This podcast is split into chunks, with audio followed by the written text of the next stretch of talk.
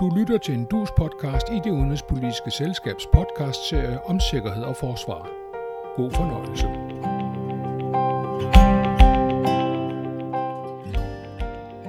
...2023 bliver forhåbentlig året, hvor krigen i Ukraine slutter på en måde, som ukrainerne kan leve med. Men hvad kan vi i øvrigt vente af det nye år på områderne sikkerhed og forsvar? Bliver Finland og Sverige for eksempel NATO-medlemmer, Optrappes vestens modsætninger med Kina, kan den demokratiske præsident og det snævre republikanske flertal i repræsentanternes hus enes om en udenrigs- og forsvars- og sikkerhedspolitik. Og hvad med Danmark, der for første gang i 90 år har fået en forsvarsminister, som også er partiformand, og som skal have et nyt 10-årigt forsvarsforlig forhandlet i hus under en utraditionel regering hen over midten? Det er kun nogle af de udviklinger, vi vil holde øje med her i det udenrigspolitiske selskabs podcast-serie om sikkerhed og forsvar – og vel ikke kun i podcastserien, men i selskabet i det hele taget. En ting er sikkert, her ved vores begyndelse har vi ingen garantier mod overraskelser, snarere er det sikkert, at der vil ske ting, som ingen forudså. Tænk bare på 2022.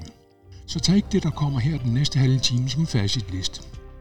Jeg er selskabets faste sikkerheds- og forsvarspodcaster Tage Bagman, og over for mig har jeg selskabets direktør Charlotte Fint Petersen. Velkommen til dig, og til alle, der lytter med.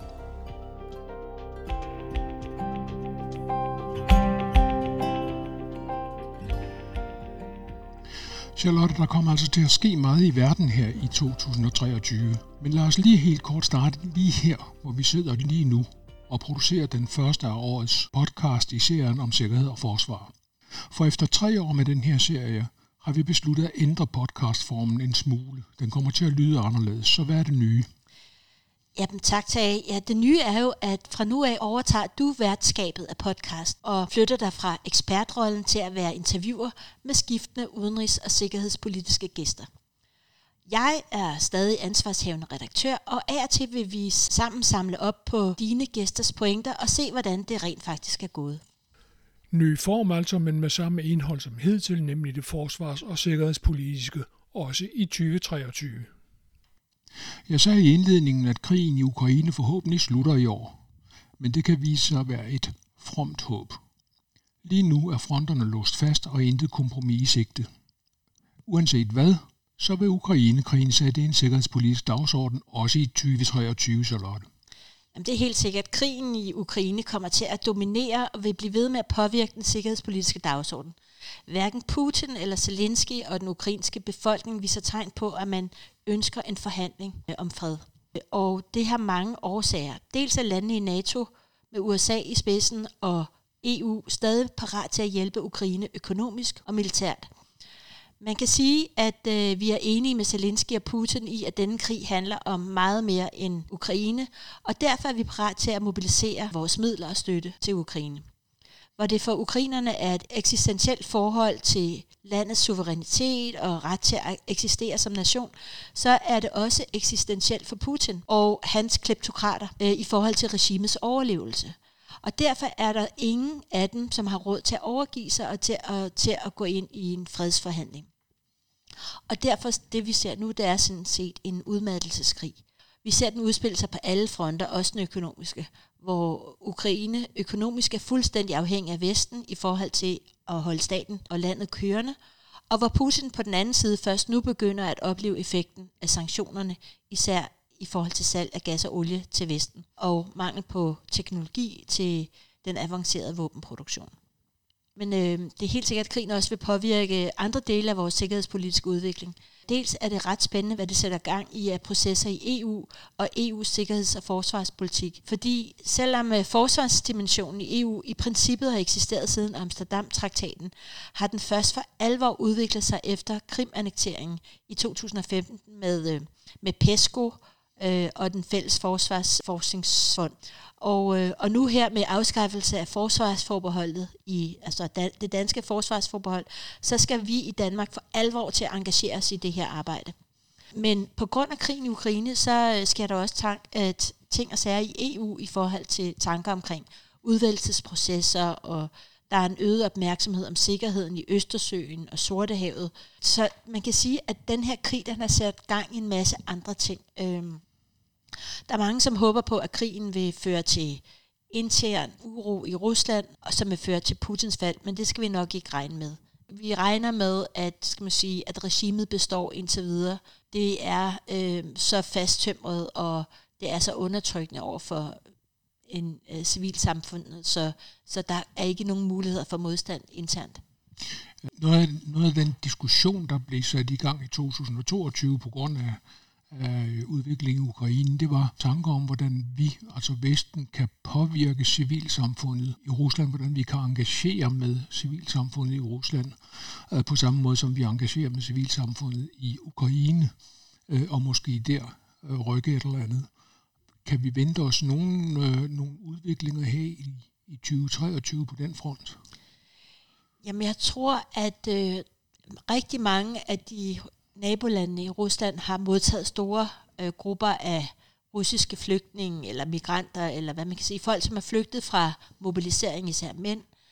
Og jeg tror, det vil være tanker, altså vi vil se en udvikling i og tænke, hvordan kan vi faktisk bruge de her mennesker til at, at, at, at være til, parate til, hvis der sker en forandring i Rusland. Men det er meget svært at hjælpe civilsamfundet internt i Rusland, fordi at regimet er så undertrykkende, og enhver, som modtager penge, for eksempel fra, fra Vesten, de bliver jo altså de bliver kaldt fremmedagenter, og kan i værste fald risikere fængsling. Så, så, så lige nu, der er bef- den, befolknings, den del af befolkningen i Rusland, som befinder sig i Rusland og er imod regimet, de står meget alene. Vesten øh, har jo forsøgt at, at, at klemme Putin på økonomien. Og jo mere vi klemmer den russiske økonomi, jo vigtigere en, øh, en spiller på den russiske side bliver Kina. Men Kina er også i sig selv en stor sikkerhedspolitisk øh, udfordring for os. Det sikkerhedspolitiske billede i Asien vil også være afgørende for, hvordan vi kan manøvrere omkring Ukraine. Hvad er det, vi skal holde øje med der? Vi skal først og fremmest holde øje med, hvad der sker omkring Taiwan og det sydkinesiske øhav, og hvordan øh, Kina agerer regionalt i det område. Fordi lige nu tror jeg, at øh, det, den indsats, vi har lavet i forhold til Ukraine, den indsats, som USA har lavet i forhold til, har virket tilstrækkeligt afskrækkende i forhold til en egentlig, skal man sige, øh, et ønske om at, at dekoble sig mere fra Vesten, fordi at Kina er så afhængig af især øh, salg til øh, Europa, til EU, og derfor kan man se, at der lige nu sker en tilnærmelse mellem for eksempel Scholz, Macron, øh, Meloni går der også rygter om, at hun også skal til Kina. Så der sker sådan en, en, en tilnærmelse lige nu, og Kina er kommet ud af, ja, de er jo ikke kommet ud af covid-krisen, men de er, øh, de lige nu ser det, ser det ud som om, at de får et gevaldigt fald i deres øh, deres samlede bruttonationalprodukt øh, og, og, og vækst øh, for, for 2022, og har ikke udsigter til, at 2023 bliver meget bedre på grund af hele covid-krisen. Så øh, derfor så øh, har Kina, altså sender Kina og især Kina nogle nye signaler, mindre aggressive signaler, øh, forsøger sådan også lidt at tage afstand til Rusland. Så derfor skal vi holde øje med, hvordan Kina agerer militært regionalt, og også finde ud af, hvordan vi skal agere i forhold til Kina, når vi oplever den her tilnærmelse på det økonomiske område. Og samtidig er det også svært, fordi vi kan jo ikke være fjender med alle hele tiden. Det kan være, at 2023 bliver det år, hvor vi ligesom ser en pause i, i retorikken øh, og i eskalationen af retorikken og den bipolarisering, vi har set øh, det sidste års tid. Og samtidig så får vi måske en ny sikkerhedspolitisk storspiller i det asiatiske område. Øh, Japan har jo lige øh, meddelt ved, ved hjælp af tre strategiske papirer, øh, at de ændrer deres øh, sikkerhedspolitik øh, i en mere aktivistisk retning, i en, ja, man kan næsten tale om et japansk Zeitenwende, for nu at bruge det udtryk, som, som Olaf Scholz brugte om Tyskland. Øh, så, så vi står med en ny spiller måske i det asiatiske område. Ja, altså det er jo helt sikkert det, der sker nu i, i hele det asiatiske område, det er, at man forsøger at balancere øh, den kinesiske magt. Og det gør man både ved altså de lokale asiatiske spillere og også ved USA. Og USA har jo også meldt klart ud i forhold til Taiwan, at Taiwan er vigtigt. øh, hvad vi undlod at gøre i forhold til Ukraine i virkeligheden. Så man har meldt klart ud, at Taiwan er vigtigt, og man er parat til at forsvare det. Og det øh, betyder, at man balancerer den kinesiske magt, som jo i dag er nummer to på verdensplan militært. Så, så det er vigtigt at, at balancere. Men nu er Japan på, og det vil sige, at chancen for at balancere øh, den magt er bedre, og det har man, det vurderer man formentlig også i, øh, i Kina. Men når alt det her er sagt, så er det afgørende for, hvordan det kommer til at gå for Ukraine her i 2023, øh, det er, øh, hvordan NATO og EU manøvrerer i forhold til Ukraine. Og afgørende for, hvordan de to øh, kan manøvrere, det er så, hvordan USA placerer sig. Og USA står jo i den situation, at, øh, at efter øh, midtvejsvalget, så har den demokratiske præsident øh, Joe Biden øh, et, en kongres, hvor repræsentanternes hus er domineret af øh, republikanerne, og republikanerne er ikke udelt bag øh, støtten til Ukraine. Hvad kan vi vente os af, af, af de spændinger? Jeg tror, at for det første så vedtog man jo en kæmpe pakke, altså faktisk lige inden nytår øh, til Ukraine. En kæmpe pakke, som både var en militær pakke og en økonomisk pakke. Og det gør jo, at man ligesom er lidt øh, på forspring. Så øh, der er ikke nogen udsigter til, at at man lige sådan, altså der er i hvert fald penge nok til, og om våben nok til at klare det den første, det første halve år. Så det bliver ikke, det bliver ikke en aktuel problemstilling i øh, de første fire måneder. Og så havde, havde øh, kom Zelensky jo også på besøg øh, til USA, og det var sådan meget timet, tror jeg, i forhold til at sikre den grundlæggende, altså en bred opbakning til, øh, til, til kampen i Ukraine. Om det er nok til at sikre den republikanske støtte i, på sigt, det, det, det er svært at sige. Jeg tror, det afhænger meget af udvikling i krigen. Så man vil ikke man vil ikke være den, som står på den, på den tabende side, kan man sige. Og hvis, hvis det er, at Ukraine fortsat har man sige, sejre på slagmarken, jamen så tror jeg også, at man kan regne med en, en, en, en amerikansk støtte. Du nævnte EU's rolle lidt tidligere afgørende her, og måske især hvad Tyskland gør, og om den bevægelse, som, som Olaf Scholz har sat i gang, øh, altså kansleren, øh, om, den, om den fortsætter, altså en, en, en, en lidt mere aktivistisk øh, tysk støtte til, øh, til Ukraine, også på det militære område. Øh, hvad tror du, vi kan vente os der? Bliver den nuværende diskussion om, hvorvidt Tyskland vil tillade Polen at sende tyske leopardkampvogne til, til Ukraine, bliver det sådan en første prøve på, hvor det er, vi er henne? Det er jeg overbevist om, at det gør det, og jeg tror, når den først, når det ligesom først er blevet taget hul på den, så kommer der mere.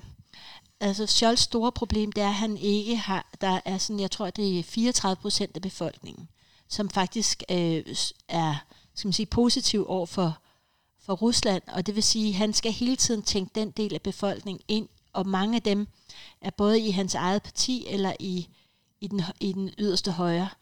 Og der er en, en høj grad af desinformation. Der er jo mange tyskere med skal man sige, russiske rødder, altså folk, som er rep, blevet repatrieret fra Rusland efter øh, Sovjetunionens opbrud, og de, de spiller en stor rolle i, øh, i Tyskland, fordi de har kan ligesom bygge bro til den russiske og den tyske side.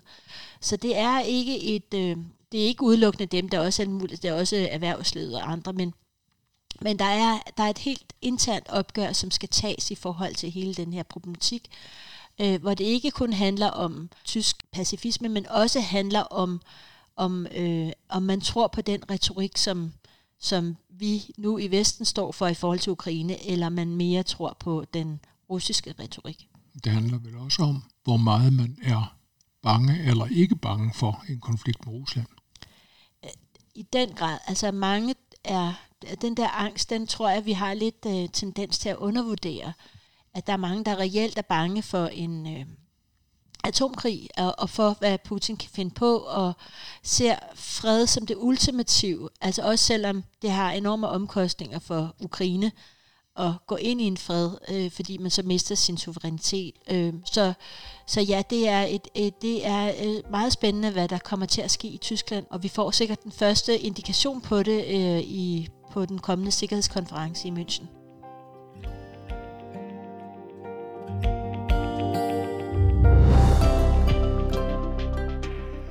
Vi er i gang med en podcast i det udenrigspolitiske selskabs serie om sikkerhed og forsvar. I dag om, hvad vi skal holde øje med i 2023. Udviklinger, som kan komme til at sætte den sikkerheds- og forsvarspolitiske dagsorden i det nye år. Jeg er selskabets faste sikkerheds- og forsvarspodcaster Tage Bagmand, og over for mig har jeg selskabets direktør Charlotte Flint Petersen.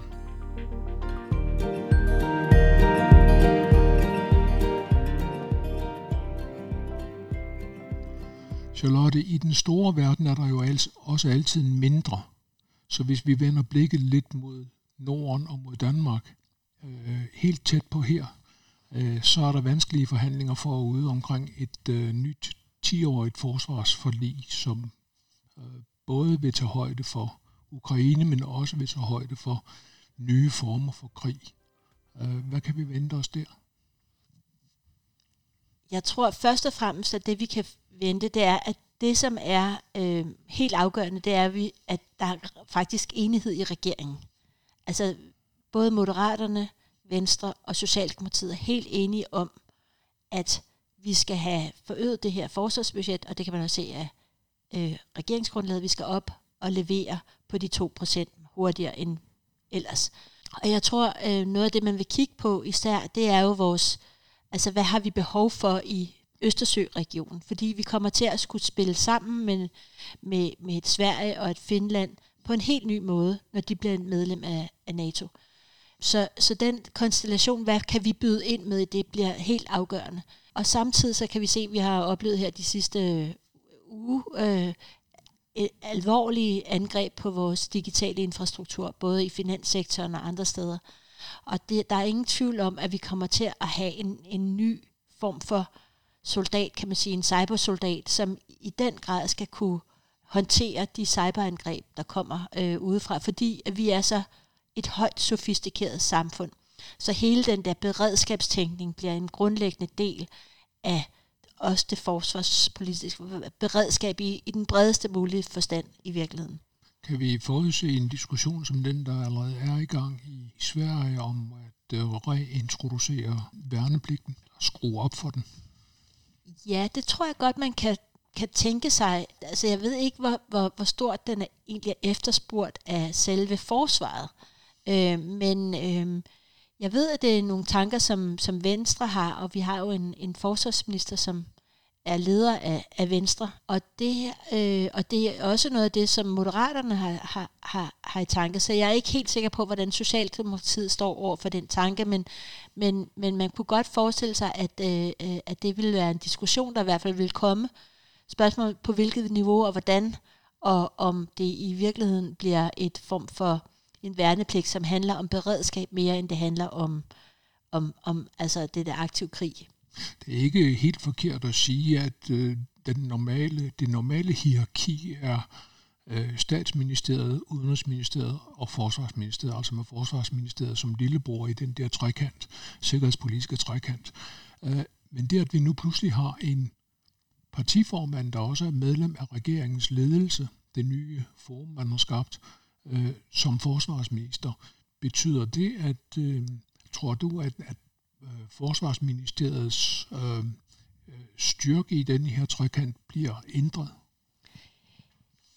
Jeg tror, at det er et signal om, at øh, det forsvars- og sikkerhedspolitiske er vigtigt på mange dimensioner. Dels fordi vi er i en situation, hvor vi skal hele tiden have dem i mente i forhold til alle de, de forskellige dimensioner af vores øh, samfund. Men det er også fordi, at det er, øh, altså vi skal kunne skal for, forhandle på niveau, når vi er i, i NATO-sammenhæng øh, og i amerikansk sammenhæng.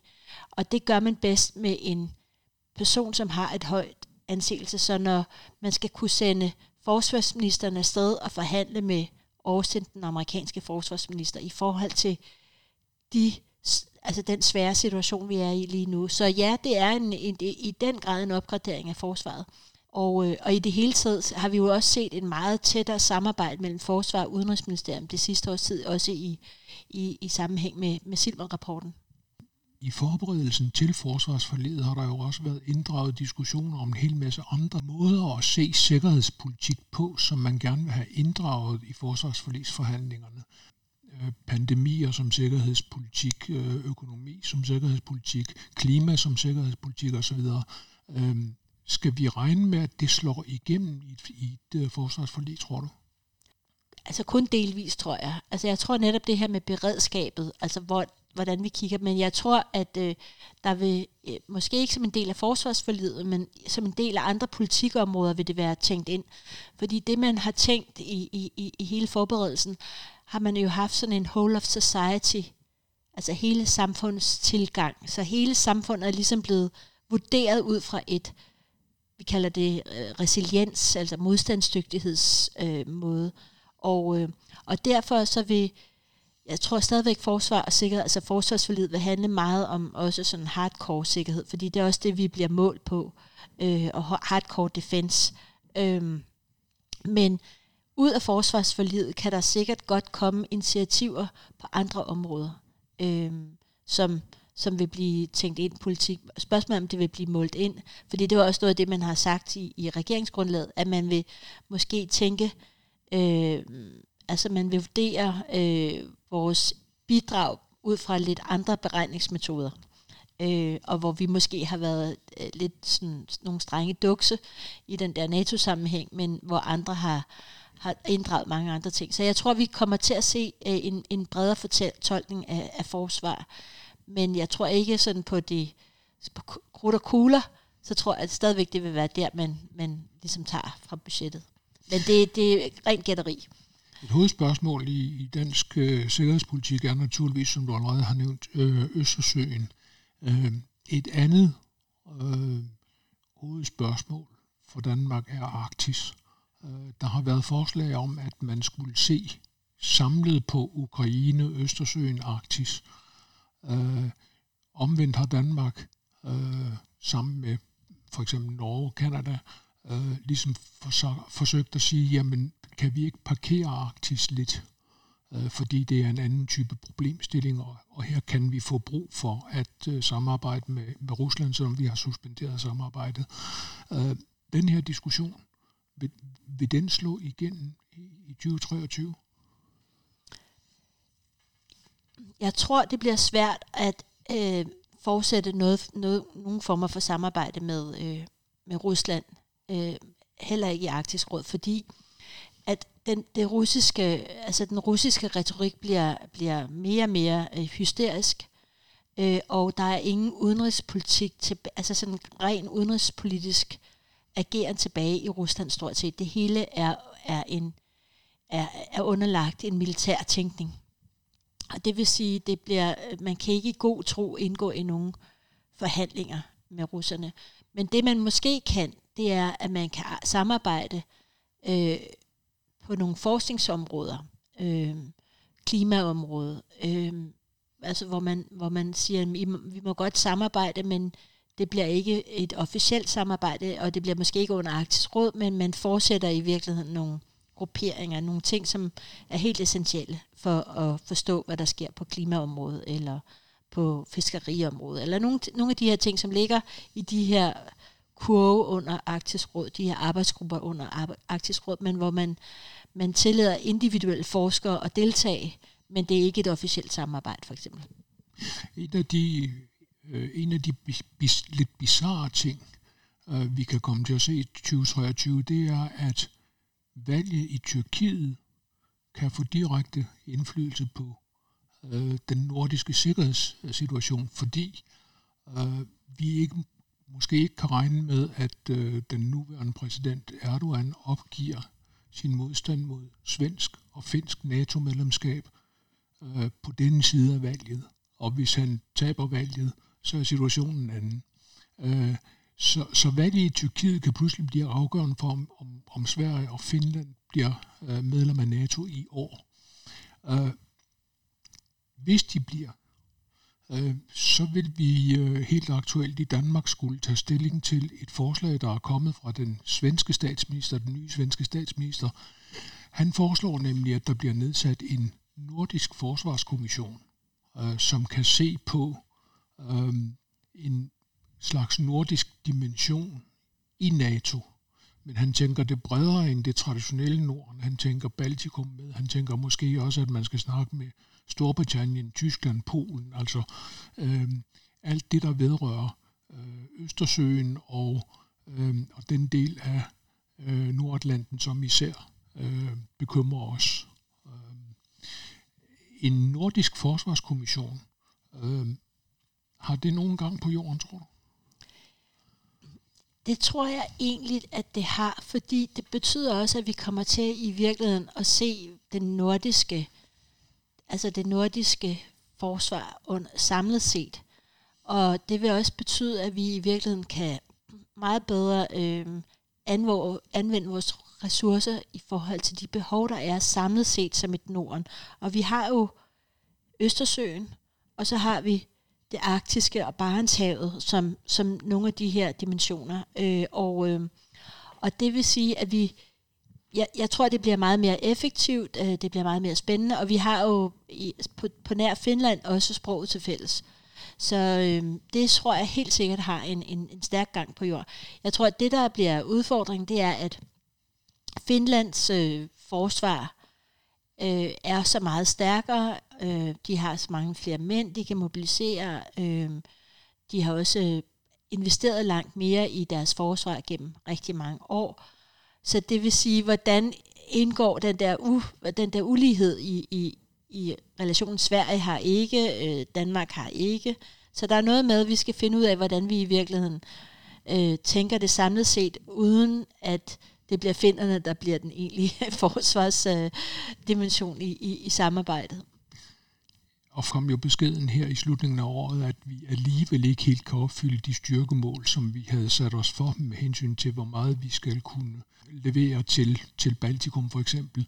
Vi har problemer der, og det vil sige, at vi skal, vi skal finde ikke bare penge, men vi skal også finde mandskab. Med, med det vi ved om øh, forsvarsforlisforhandlingerne, det vi ved om regeringens sammensætning. Og tror du, vi får rettet op på det her, så vi kan levere i det mindste det, vi selv lover, at vi gerne vil levere?